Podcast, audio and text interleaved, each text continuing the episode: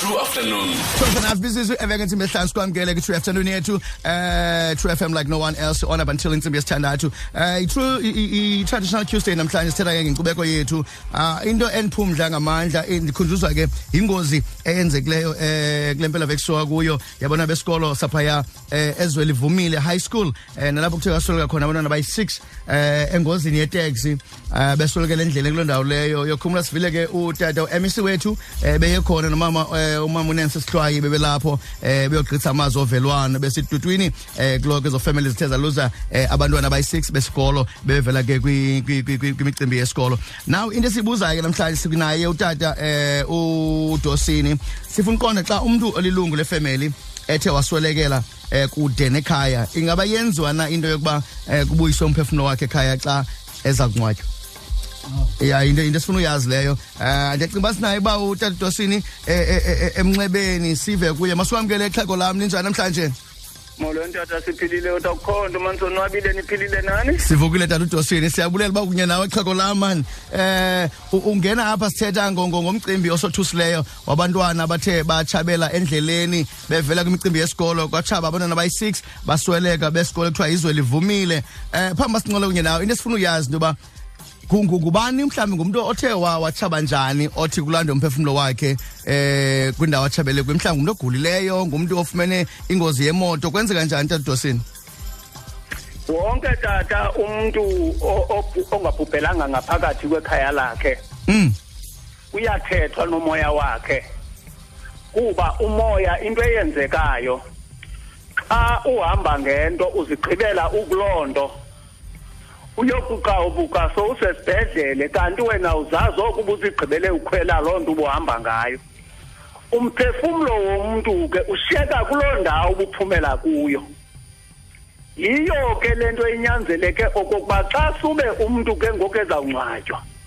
makasuswe phaya emushara kuyiwe kulaa ndawo ebewe kuyona laa nto athi akufika phaya abizwe ngegama axelele uba bani uphelele kule ndawo xa ubusiya kwindawo ethile ngoku ke siyakuthatha ke ngoku siya kungcwabela ekhaya kuthiwe kuhanjwa nomzimba wakhe ngelo xesha ngelaa xesha ebesuke emushana mm. ewe tata umdla wami ke ngoku um eh, mhlawumbi izimvo ziyabethana um eh, uzathi omnye um eh, umhlawumbi ifriend njengam umhlobo wam waswelekela ebhasini endleleni esuka erhawutini esiya ekhayeni lakhe suka ubomi bakhe baphelele endleleni bothuka abantu sebephambili um nebhasi batyhile umntu akasekho bebhasini eh omnye mhlawumbi uyawuthi eh, ubani watshabela mhlawumbi erhawutini eh kwindawo yentsebenzo but ikhaya likude mhlawumbi ese-eastern cape kuthwani kumcimbi ofana lowo kwiikhesi ezifana nezo masithi ke ngoku lona umntu uswelekele ebhasini mm. andithi ngeli xesha umntu asebhasini kubona ukuthola ukuthi akasekho lo mntu ebegoduka unabantu ahamba nabo mm. ithi ngela xesha kuvakaleka uba lo mntu uswelekile kunyanzeleke aba bantu bethethile xa bemothula ngoku bhubhile ke siyakwehlisa nangu umzimba wakho hamba nomzimba wakho bathethe kuloo ndawo ngoba uba ngaba bathethanga laa moya wakho uzawufumana laa bhasi oko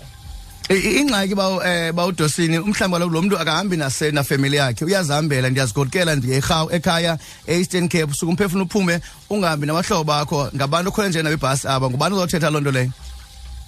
ithi kaloku tata ngela xesha umntu aswelekela kulaa ndawo uye athathe umzimba wakhe usiwe emushari yaqonda mm. ithi ke ngongeli xesha kufumaniseka uba lo mntu ngowaphi ukumushari ethile laa mphefumlo walaa mntu ulinda kulaa ndawo kodwa sibe sisazi uba ngelaa xesha siyakwenza ingcaciso emzimbeni wakho uba besingakwazi ukuba uphi sivile ke ngoku swelekele ebhasini yakwabani engunamba bani okay kunyanzeleke ke ngoku siphinde siye kuloo bhasi phambi koba laa mntu sibe siyamngcwaba sibe siyathetha mm okay masibuye ke ngoku sithi ngutata uphangele erhawutini waze waswelekela erhawutini wangcwatywa khona apho ngoku kudingeka uba umoya wakhe uyavela okanye apha ekhaya uvele ngekho phakathi kwekhaya kuyayiwa tata kulaa ndawo wayengcwatyele kuyo kuyokuthethwa kuthiwe kuzowulandwa umoya wakhe okay ewe tata xa kufikwa kulaa ndawo wayetshonele kuyo bazawufika okanye saziwe inambara yengcwaba lakho uba wayengcwatyele kule ndawo uba alisabonakali kodwa kuza kuthiwa kukula mangcwaba okwakungcwatywa kuwo ngo-nineteen bani mm. baza kuya kuloo ndawo ke ngoku abantu bakokwabo bayawuthatha ke ngoku umoya wakhe bezawungcwabela ekhaya ngokomoya kuba nengcwaba basalazi okay all right eh okugqibela ke tadosini mhlawumbi le case yabona besikolo esi le ngosana kwenzeka le mpela veki kunyanzelekile uba iifemeli zabo ziye kule ndawo eh, yexhwayelo iyenzekileyo kule mpela veki yes tata into e, e, e, ebalulekileyo yoba aba bantu xa aba bantwana besuka emushara baqale bogqithiswa kulaa ndawo noba baza kungcwatywa kwindawo ifemeli nganye ithethe nomntana wayo kulaa ndawo ibiwele kuyo ibhasi okay yes ke tata ukuba mhlawumbi mandibuza nje lo mbuzo um endicingela wona uba unawuyenza loo nto leyo kuzawenzeka ntoni